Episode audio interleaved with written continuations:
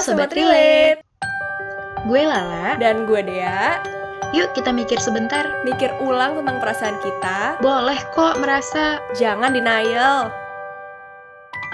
Udah, gak apa-apa. Hari ini kita udah kedatangan satu orang yang gue tuh salut banget. Jadi dia tuh punya podcast. Nah podcast dia ini adalah salah satu dari sedikit podcast yang gue tuh bisa dengerin tuh tanpa skip sampai habis karena kejujuran dan rawnya kontennya dia nih bikin gue ikutan nangis, ikutan marah, ikutan sedih, ikutan enlighten. Iya bener banget sih bener banget. Kalau dengerin tuh awalnya iseng-iseng terus hari gue jadi terikut aja gitu sama ceritanya dia kan. Oh, gitu. Gimana gimana kak? Gue dari tadi nggak sabar pengen mendesah gitu loh sama introduksi. ya udah, kita welcome Kak Yunita dari Abjad Tersirat. Halo. Halo, Halo, hai, makasih ya udah dengerin dan menangis bersama. Menangis bersama tuh perlu sih sebenarnya. Benar betul. benar benar benar benar. Sesuai dengan hashtag kalian kan boleh merasa. asik. Apakah Kak Yunita mau menceritakan sedikit mengenai siapa Yunita dan siapa Abjad Tersirat? Hai, nama gue Yunita, tapi gue biasanya dipanggil Acing. Itu pokoknya nama panggilan keluarga lah. Nah, gue sebenarnya udah banyak bikin project tulis menulis, ngeblog dan segala macem. Cuma Mhm. yang bener-bener akhirnya eh, keterusan sampai sekarang itu adalah Mhm. si Abjad Tersirat ini. Nah, kalau mau tahu tentang kayak namanya Abjad Tersirat tuh kenapa dan bla bla bla, lu dengerin aja sendiri Nah. episode satu gue ya. Soalnya kan ada di sana kan. Ada gunanya itu untuk didengerin gitu. Daripada gue jelasin lagi capek iya, kan. benar, benar, benar. Bener bener bener. Gue tuh melihat abjad tersirat ini garis besar atau backbone-nya, tulang belakangnya itu banyak banget ngobrolin eh, utamanya adalah soal tadi romantic relationships dan hubungan sama keluarga gitu. Sebenarnya emang apa sih yang yang yang lo rasakan tentang keluarga lo gitu mungkin apa ya merangkum dari episode-episode yang diomongin di abjad tersirat. yang gue rasakan salah satunya adalah gue dan family gue tuh seperti grow apart gitu ya karena mungkin gue udah tinggal di luar negeri udah cukup lama gitu kan jadi eh, untuk yang gak tau background gue memang eh, gue itu asli dari Jakarta cuma gue merantau ke Australia tuh untuk sekolah dari gue umur 8 17 malah gitu Oh, dari 17 tahun. Iya, dan dari situ Hmm. gue kan eh, di Australia 7 tahun, terus habis itu gue merantau sama suami gue ke Eropa 4 tahun kan. Dan gue rasa kalau gue cerita ke keluarga gue, either mereka nggak bisa ngerti backgroundnya, atau misalnya ngomongin tentang gue takut eh, sama pilihan gue nikah muda, yang kayak gitu-gitu tuh mereka nggak gitu get it. Nah, jadi eh, gue mungkin secara nggak sadar jadi ngebangun tembok sendiri ya. Ya sejak gue udah ke Oke. Eropa ya gue nggak pulang-pulang sampai 4 tahun gitu loh dan banyak banget dinamika yang kayaknya kita tuh nggak nggak nggak ketemu di tengah gue rasa Iya, sebenarnya itu iya. yang bikin yang bikin mis misunderstanding ya itulah jarak Mhm. yang bikin akhirnya makin kacrut aja sih hubungan gue sama keluarga Tense dan jarak emosional juga ya. iya bener bener bener bener bener Gue sebenarnya ingin bertanya ke Lala nih. Kenapa nanya ke gue? Lala tuh biasanya takut ngomongin hal-hal soal keluarga karena keluarga kita nih suka dengar gitu. Bener, bener banget. Apa yang lo rasakan lah? Lo sebenarnya relate gak sih sama hal tersebut? Gak apa-apa ini waktunya untuk ngenyepret keluarga keluarga kita ini Nah betul itu. bener, bener, bener. Sebenarnya keluarga gue ini Mm-mm. juga pasti akan mendengarkan podcast ini gitu. Mm-mm. Tapi gue akan jujur aja kalau eh, gue merasa sedikit lebih nyaman ketika gue sekarang ini ada di Jogja gitu. Hmm, kan keluarga gue iya. ada di Bekasi. Hmm. Ada sedikit jarak di antara kita ini Membuat kayak nyaman cukup ya. menenangkan gitu. Karena gue bisa jadi diri gue sendiri. Apa-apa yang gue lakukan tuh nggak perlu berdasarkan apa yang keluarga gue minta Bener. atau demand kayak gitu. Iya, iya, iya. Relatable sih, gue juga kayak gitu. Not that we hate our family atau kita merasa keluarga kita gimana-gimana ya. Cuma, I mean kita sekarang udah like 20-an, 25 gitu kan. Ini waktunya buat keluarga kita tuh untuk paham juga gitu. Gue sih berharap bahwa dengan mendengarkan podcast-podcast gue, mendengarkan keresahan-keresahan gue, justru nyokap gue itu bukan yang ngejudge gue, tapi malah kayak berusaha memahami, oh anak gue tuh udah punya value dan pikirannya sendiri gitu sih. Jadi ya takut jelas ada sih pasti dia akan ngejudge gue dan gue nggak tahu kapan dia akan kayak mbak mama mau ngomong gitu kan gue nggak pernah tahu paham, paham, kan? paham, paham. Oke, ngomongin soal keresahan kepada keluarga ya. Hmm. Aku sih mendengarkan beberapa episode-episode Abjad Tersirat gitu ya. Ada beberapa hal di keluarga Kak Yunita kayak gitu. Mm-mm. Boleh nggak sih berbagi keresahan itu ke kami dan ke Sobat Relate gitu? Oke, sobat relate, coba buka kupingnya baik-baik ya. Jadi kalau kalau gue sih ngerasa sebenarnya ada dua hal lah keresahan gue sama family. Satu topik sih yang selalu jadi clash gitu ya adalah eh, pilihan-pilihan hidup yang gue ambil dan nggak gitu mainstream di keluarga gue gitu. Eh, salah satu contohnya adalah pilihan gue nggak mau punya anak. Hmm, Oke.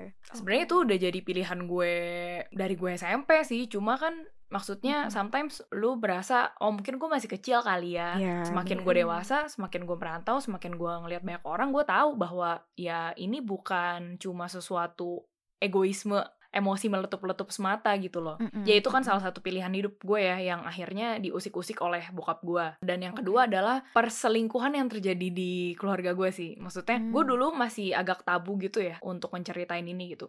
Kenapa gue Mm-mm. akhirnya berani speak up dan I don't give a fuck lagi kalau orang mau bilang gue jahat sama bokap gue atau gue mau Heeh. ngejelekin nama keluarga karena gue nggak gue tahu kok semua keluarga pasti ada isu perselingkuhan ini. Gue cuma mau kasih lihat gitu Hmm, bahwa bener. perselingkuhan itu ada dan semakin Mm. lu nggak ngomongin, semakin lu nggak kasih lihat apa impactnya ke anak, ke psikis anak, ke trauma anak, gimana anak lu melihat suatu relationship, gimana anak lu menghargai badannya kalau dia cewek, gimana Betul. anak lu menghargai harga dirinya kalau dia ketemu cowok, itu tuh impact the whole life of someone gitu loh. Ya gue nggak tahu iya. kalau dari segi anak cowok ya, tapi koko gue sendiri aja waktu itu pernah bilang bahwa ya gue agak takut sih kalau gue jadi kayak papa. Jadi ya itu sih dua hal yang menurut gue kayaknya saat gue makin besar keluarga gue tuh kayak kayak they stuck in their space gitu loh. So how how do you feel now towards your family sebenarnya? Jujur sih sebenarnya gue ngerasa bersalah tentunya gitu ya Eh, memberikan background gitu kepada orang-orang yang mungkin eh, belum gitu dengerin apa yang gue ceritakan di podcast gue. Tapi intinya gue baru balik ke Jakarta setelah 10 tahun merantau kan. Selama 10 tahun itu eh, banyak sekali beberapa label misalnya kayak eh, ya si Acing mah udah kebule-bulean makanya kayak gitu. Dan itu repeat gitu loh di di otak gue. Dan plus gue kan anak paling kecil ya. Gue tuh sering dicapnya kayak gue emosian lah, gue nggak tahu apa-apa lah. Jadi saat gue balik ke Indonesia, gue tahu bahwa oke, there were so many conflicts before yang belum selesai saat gue pergi. Jadi sekarang gue mau Bener. mencoba untuk memperbaiki itu dengan gue mencoba menaruh posisi gue di pikiran bokap nyokap lah. Apa yang mereka Hmm, iya, ngerti iya. gitu ya. Iya, jadi gue mikir ya udahlah, gue yang lebih ngelihat orang banyak, gue yang harus lebih ngerti. Gue mikirnya gitu. Oke, gue Oh, balik ke Jakarta, same shit still still happening gitu kan. Tapi gue cuma merasa ya udahlah gitu. Gue nggak ada hak untuk berkomentar gimana banget. Toh gue juga kan selama ini mereka punya masalah, gue cuma nonton doang dari jauh kan gitu. Hmm, Tapi hmm, lama-lama hmm. kok ini seperti tidak ada perubahan gitu ya. Eh, terutama sih Hmm. kasusnya ke bokap gue gitu. Dan setiap kali gue coba untuk approach bokap nyokap gitu ya, komentarnya sama gitu. Kayak bokap gue tuh komentarnya selalu tentang eh, Cing, kok kamu pakai celana pendek banget sih gitu. Padahal ya anjing Jakarta Hmm. panas coy, bukan kayak di Eropa. Maksud gue Iya, gue baru pindah dari yang. Di Jerman kayak masih minus 5 terus gue balik ke sini lagi 30 derajat ya gue nggak pakai bikini aja udah bagus Betul. maksud gue Iya betul betul Iya betul. sih. betul. energi yang bokap gue kasih atau komentar goblok yang bokap gue kasih itu bisa digunakan ke arah yang lebih baik yaitu dengan coba berempati dengan gue yang baru pindah ke Jakarta. Hmm. jadi ya gue lama-lama capek sendiri dari komentar-komentar lu udah gendutan berapa kilo nih nyampe Jakarta?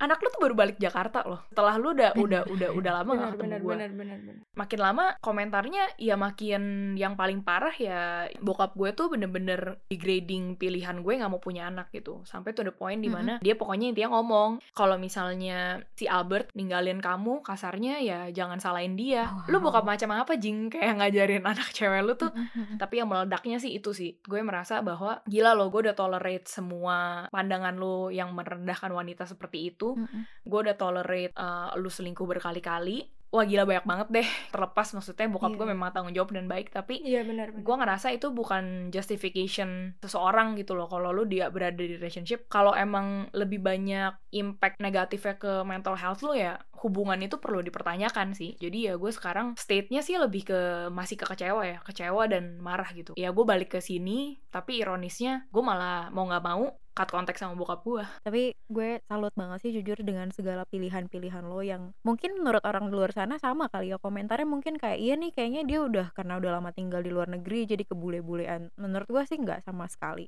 Itu adalah pilihan-pilihan yang lo ambil berdasarkan pertimbangan-pertimbangan yang logis tentunya gitu ya Iya, iya. gue salut banget gitu sama keberanian lo untuk berani melakukan sesuatu dan, mem- dan mempertanyakan hal-hal yang mungkin menurut orang lain harusnya jadi sesuatu yang normal. Cuma gue pengen nanya deh, Hmm. ini sebenarnya gue berkaca pada diri sendiri kan. Lu kan open banget nih soal masalah keluarga lu gitu di podcast. Apakah lu fine dengan judgement apa pun yang mungkin akan sampai ke lu dan ke keluarga lu karena lu I don't know membuka banyak sekali permasalahan dalam keluarga lu gitu. Iya, tentunya gue pasti kepikiran itu gitu loh. Kadang-kadang orang Mm-mm. mikir mungkin "Ah, gila ya si Acing kalau sharing di podcast tuh bener-bener kayak nelanjangin apa yang di- terjadi sama dia gitu. Ya iya gue Hmm, tahu, tapi gue ngelakuin itu karena gue udah gak ada pilihan gitu loh. For so many years gue shut up, for so many years gue nganggep kayak ya udahlah, ya udahlah gue diem aja. Gue nggak mau dianggap kayak anak bule. Enggak jing, mungkin iya gue udah jadi bule, mungkin iya gue berubah. Tapi Iya. that's how it is gitu loh. Lu jadi seorang manusia itu malah ironis ya menurut gue kalau misalnya lu punya suara, lu punya intelligent, lu punya hak untuk bersuara, malah lu diem cuma gara-gara takut dijudge. Mm-mm. Toh gue diem pun gue tetap dijudge. Jadi apa bedanya? Benar, malah benar. lebih nguntungin gue bersuara biar gue nggak mati kepahitan gitu loh. Dan by the way, untuk yang nggak tahu tuh eh, abjad tersirat itu nggak ada yang pernah gue kasih tau ke keluarga gue gitu. Jadi semua keluarga gue tuh gue blok Hmm. di Instagram. Karena Hmm. ya itu satu, gue nggak pengen pengakuan lu. Gue nggak pengen lu tepuk tangan ke gue. And I Hmm, don't even betul. have any expectation lagi untuk lu ngertiin gue. Kemarin kita sempat ngobrol ya, maksudnya Kak Yunita itu mengetahui mengenai perselingkuhan ini bahkan dari umur yang muda ya. Iya, gue waktu itu cerita ke kalian waktu gue umur berapa ya? Pokoknya sampai dua deh. 13 Iya, iya, 13, 13. Eh, di usia segitu mengetahui keluarga kita yang tadinya adalah satu pandangan ideal kita, Benar. Tempat iya. kita percaya gitu, Mm-mm. bisa begitu betraying. Aku rasa mungkin mulai dari situ gitu eh, sudah mulai Kak Yunita tuh menyimpan banyak hal yang akhirnya dikeluarkan ke abjad tersirat gitu ya. Betul sekali, dokter Dea. Tapi itu bener sih. Ya sadar nggak sadar gitu ya. Dan juga mungkin kalau tadi kan lo ya ngomong, wah gue kayak terlihatnya berani gitu ya. Kalau orang ada di posisi gue gitu, lu udah lihat so many shits going on in your family, lu mau tunggu sampai kapan lagi kalau lu nggak meledak gitu loh. Bener kayak sih. lu tunggu sampai kapan sampai lu nggak bersuara. Mm-mm. gue nggak ada choice kalau nggak gue bisa gila dengan kemarahan ini kalau gue nggak taruh itu di tulisan atau gue nggak taruh itu di podcast gitu ya dan memang Mm-mm. di umur gue umur 13 untuk tahu bokap gue tuh selingkuh bukan cuma selingkuh doang tapi tidur sama adiknya nyokap gue meanwhile mereka semuanya ada lagi serumah nyokap gue juga lagi hamil anak kedua itu tuh kayak cerita yang bisa dijual ke sinetron tuh gak lu tapi Eh, itu yang terjadi. Gue percaya kok nggak cuma gue doang. Gue denger banyak banget yang fucked up, lebih fucked up lagi dari gue. Kalau lu bener-bener nanya dan ngobrol sama temen lu soal perselingkuhan apa yang terjadi di keluarga mereka, lu bakalan ya shock sih dengernya. mungkin the way orang-orang itu interested mendengarkan cerita lu. Kayak gue juga tertarik banget dan selalu kayak dari detik pertama sampai detik terakhir mendengarkan podcast lu. Mungkin karena secretly sebenarnya kita tahu dan kita tuh sangat-sangat relate dengan apa yang lo ceritakan gitu. Bukan cuma karena oh ceritanya sedih nih gue suka nih kalau dengar cerita sedih. Oh dia berani banget nih gue suka nih dengar orang yang berani beropini but also karena kita juga bisa relate bahwa setiap keluarga tuh tainya ya ada-ada aja gitu Bener sih? banget. itu mengingatkan aku sama teman aku yang eh, orang tuanya tuh bercerai waktu kita itu berdua lagi koas. Oh deh. Jadi dia lagi jaga dan aku lagi di rumah. Terus tiba-tiba mamahnya dia itu nelpon-nelpon aku banyak gitu kan aku juga habis pulang jaga ya. Terus aku angkat teleponnya, "Iya, tante, kenapa tante? Di mana?" Ini teman aku ya gitu. Oh, lagi jaga tante nanti aku sampein. Eh Dea tolong temenin dia. Jadi tante sama om itu lagi proses perceraian. Oh no. Dan aku inget banget, aku yang nangis waktu itu karena banget. kenapa kayak gimana ya? Gue gue melihat temen gue yang selama ini gue kayak selalu bareng dia gitu dan kan setiap hari biasa aja gitu loh kayak dia jaga biasa aja. Ternyata enggak. Setelah itu dia sering banget misalkan kita kan stase atau koas itu di beda-beda tempat ya biasanya. Iya. Di suatu waktu dia akan bisa, "Dek, lo di mana?" Terus dia langsung datang ke tempat aku dan cuma nangis aja gitu karena karena apa yang dia lagi rasain di saat itu gitu. apa sih momen seperti itu atau momen terberat yang mungkin Yunita pernah pernah alamin gitu Kalau gue malah mengharapkan perceraian itu terjadi sih. Mm. Eh, bokap nyokap gue udah Iya. nikah 42 Mm-mm. tahun ya. Gue udah see so many shit dari gue umur 13 Mm-mm. gitu ya. Yang paling pahit itu saat nyokap gue tuh diselingkuhin lagi gitu. Aduh kayak capek banget gue. Mm. Lu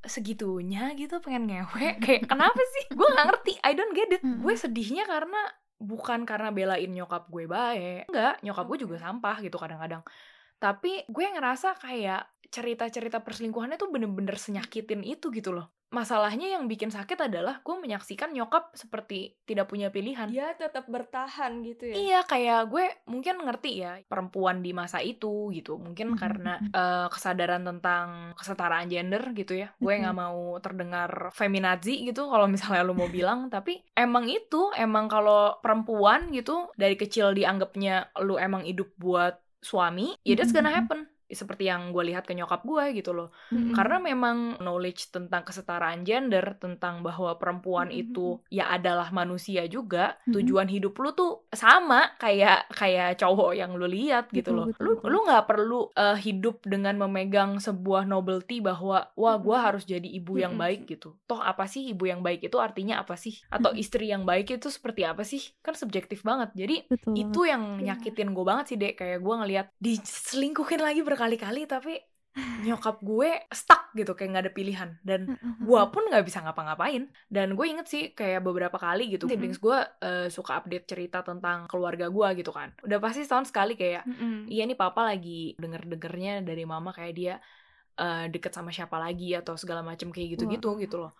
Itu tuh ternyata stuck di Oke. alam bawah sadar gue loh karena setiap kali gue punya mimpi buruk gue mimpi pasti gue kayak jadi witness antara bokap nyokap gue gitu terus Hmm. kejadian lagi bokap gue selingkuh lagi lah sama siapa yang fucked up gitu ya ceritanya Mm-mm. Terus nyokap gue cuma nangis abis itu kayak clueless gitu kayak iya mama nggak bisa ngapa-ngapain tuh dan gue bangun tuh teriak kayak di sinetron tuh Oh, saking kayak it is my nightmare gitu loh. Berat sih ngelihat nyokap lu sendiri kayak gitu. Kalau gue di- membayangkan diri gue berada di posisi itu gue pasti benci banget sama dunia ini. Kadang-kadang gue kalau hujan turun aja gue bisa benci banget sama hujan dan dunia ini gitu loh. Bener ngerti gak banget sih? Deh, apalagi gitu. lu di di segituin ya bahkan oleh kayak kedua orang tua lu sendiri gitu kak pernah gak sih lu kayak benci banget gitu sama dunia ini? Eh, mungkin lebih bencinya bencinya tuh kayak face-nya beda-beda gitu ya Mm-mm. ada yang bener-bener victim mentality yang tipikal lah klise gitu kayak Mm. kenapa sih gue lahir di keluarga ini Iya, iya. kayak gitu-gitu yang which is lu gak bisa jawab juga mau lo nangis sampai seribu kali juga gak ada yang bisa jawab akhirnya makin lama makin berubah pertanyaannya kalau untuk gue tuh lebih ke satu kenapa ya kok situasi gue sih ironis ini gitu loh. Mm-mm. gue dari yang merantau 10 tahun dan akhirnya dapat privilege untuk balik ke Indo. Jakarta tapi ya gue nggak bisa mendapatkan eh, dinamika hubungan yang fungsional itu sama keluarga gitu Mm. jadi kadang-kadang tuh gue kayak punya rasa iri sendiri sama temen gue yang dia bisa ketawa-ketawa sama kedua orang tuanya Iya, gitu iya, ya iya. dan bisa ngobrol 10 menit tanpa bapak emaknya tuh berantem Bener. gitu Eh, ditambah maksudnya gue ngeliat keluarga suami gue kan Mm-mm. Eh, jadi papa mertua gue tuh meninggal eh, kena kanker gue Oh. ngerasanya ironis aja gitu kayak dia setidaknya bisa provide something yang Lo I really iya. need untuk survive setidaknya di Jakarta yaitu sosok orang tua yang bisa respect pilihan anak-anaknya Mm. gue inget banget gitu yang bikin gue sedih banget sih dan marah saat itu adalah gue sempet nanya gitu ya sama Tuhan kayak kenapa gitu gantiannya gue udah di Jakarta Mhm. pengen deket sama orang tua Mhm. intinya tapi ya bokap yang mertua meninggal gitu tapi bokap asli gue yang kayak begini modelannya terus habis Iya, itu iya, iya. gue diperhadapkan di posisi di mana gue mau nggak mau jadi katais gitu sama Mhm, bokap iya. gue yang di mana pasti Lu yang anaknya yang Iya, disalahkan iya. gitu kan. Kok lu durhaka banget sih? Kok lu udah disekolahin ke luar negeri nggak tahu diri banget sih? Gue merasa kayak anjing mau sampai kapan sih orang tuh ngelihat orang tua tuh sedewa itu? Gitu loh. Mungkin masih marahnya tuh di situ ya. Iya. kayak gue selalu ada di posisi gue pasti yang di misunderstood aku tuh kemarin sempet membaca ya, maksudnya aku melakukan risetku. Dan aku menemukan eh, satu riset yang dilakukan oleh University of Cambridge bersama dengan Stand Hmm. Alone. Jadi mereka itu punya lembaga sendiri untuk orang-orang yang mengalami hal ini. Iya, Jadi iya, kayak iya, iya. di jauh dari keluarga gitu. Iya, dan memang benar 68% itu pasti mendapatkan stigma.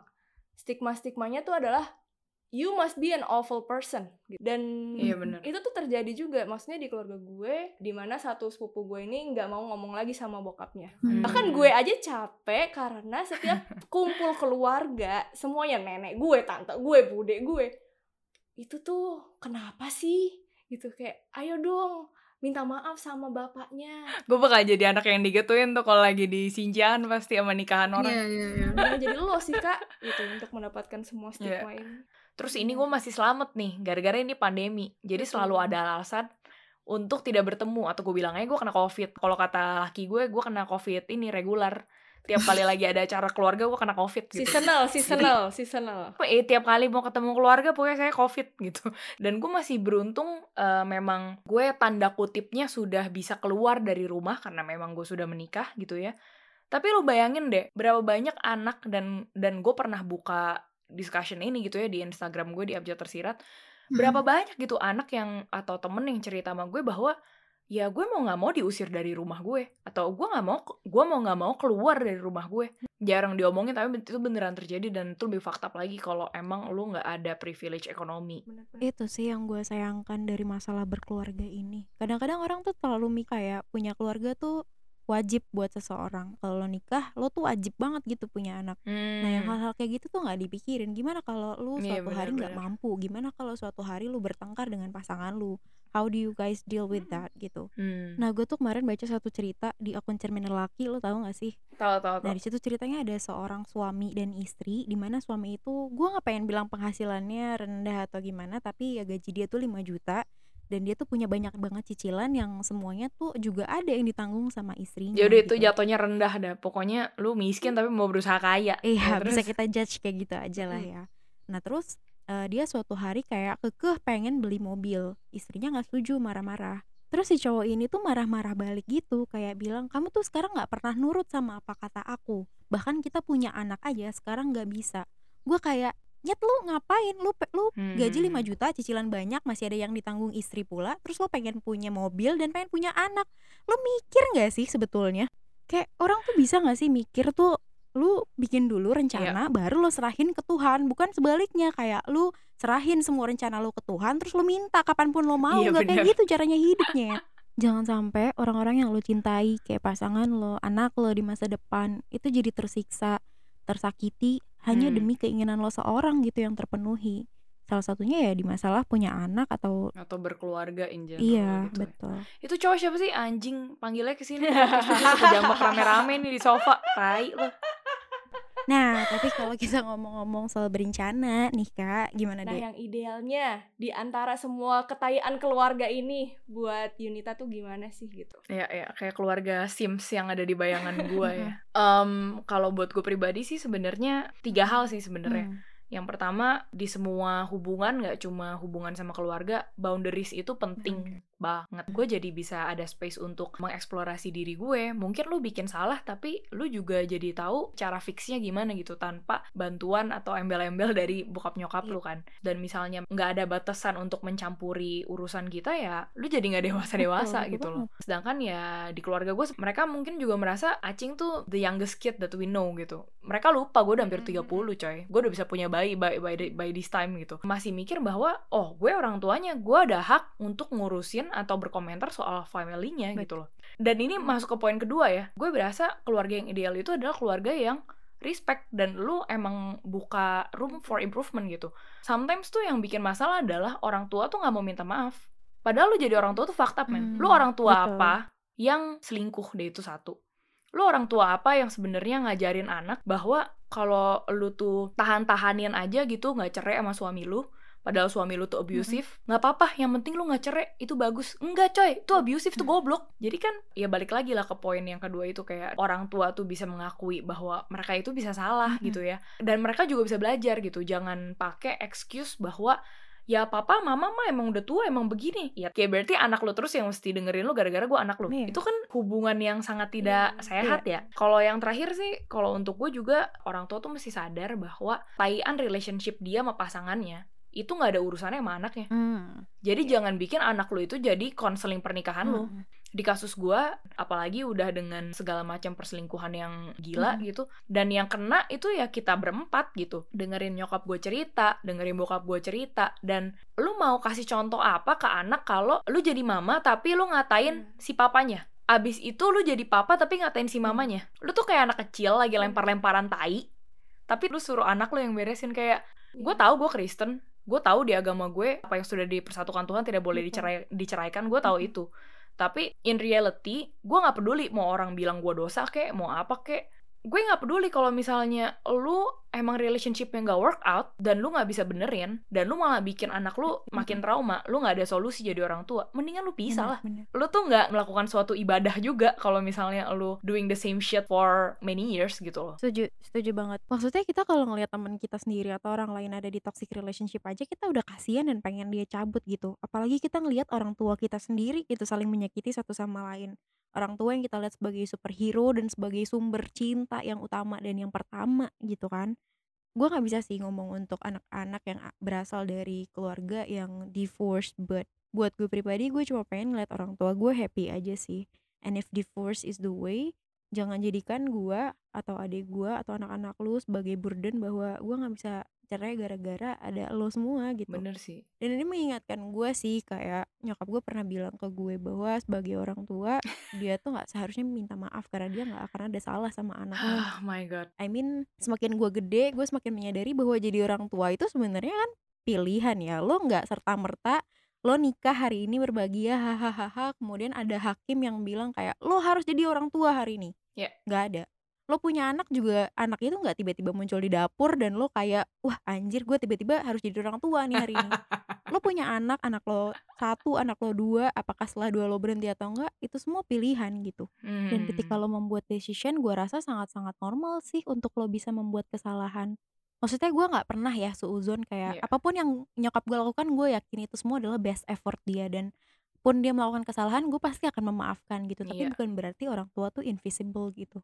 Venturing a new thing seperti punya anak pertama pasti ada salah dan menurut gue hal itu adalah hal yang manusiawi. mungkin Bener. kita bertiga ini bisa ngomong seperti ini gitu ya kayak tanda kutipnya nge-lecture orang tua gitu mungkin orang tua kita ngedenger Ah. ini gampar kita kali ya tapi kita ngelihat itu dari kesalahan yang kita observe Iya. sih memang mungkin teorinya lebih gampang Hmm. diomongin gitu ya karena kan kita bukan orang tua tapi ya kalau itu nggak pernah diomongin rantainya akan selalu berlanjut lu bakal nerusin itu ke anak lu yang berikutnya Betul betul. Gue sangat-sangat berterima kasih untuk sharing dari Yunita. Gak semuanya dalam keluarga itu oke-oke aja, baik-baik aja. Semua yang dalam keluarga itu harus ideal, harus baik-baik aja. Seperti apa yang kita tonton di film, semuanya harus selalu baik-baik aja. Gak sementara, nggak seperti itu gitu. Dan apalagi wisdom tadi bahwa orang tua Mhm. tuh nggak selalu almighty. Semuanya itu punya salah dan kita harus mengakui hal tersebut. Mengenai cutting ties atau family estrangement, itu mungkin masih jadi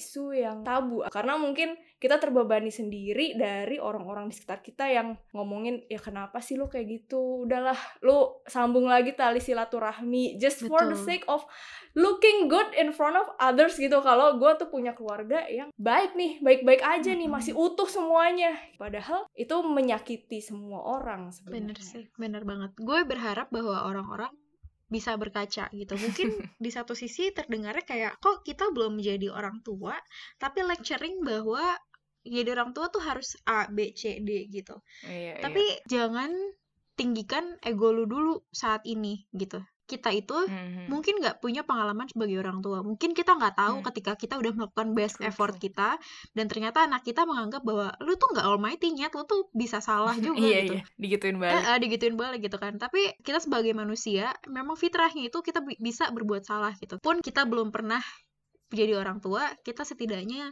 pernah jadi anak dan kita bisa belajar gimana sih sebenarnya bangun keluarga kira-kira ideal at least untuk kita dulu nih kita dulu ke depannya Hmm. kayak gimana I don't think itu adalah suatu perbuatan yang mengkritik orang tua ngelangkahin orang tua atau mungkin orang-orang Iya, sebagian benar-benar. bisa nganggap itu kayak perbuatan yang durhaka enggak simply untuk menghasilkan kehidupan yang lebih baik aja di Yes, masa betul, depan Betul. Di mana ada diskusi, di situlah ada kesempatan untuk kalian berpikir kritis. benar-benar Buat yang mau denger lebih banyak cerita dari Yunita, boleh main-main ke podcast Abjad Tersirat kali ya. Dan jangan lupa juga untuk main-main ke IG kita, IG kita udah nggak apa-apa podcast, mungkin bisa menceritakan lebih banyak lagi cerita kalian seandainya kalian juga mengalami hal yang sama seperti ini. Bener banget. Thanks banget Kak Yunita udah main-main ke udah gak apa-apa. Iya. Happy banget. Thank you banget lo udah mengkobel-kobel hatiku. Untung gue gak nangis. Oh masih gagal gue ya bikin lo nangis. Hampir kok, hampir, hampir.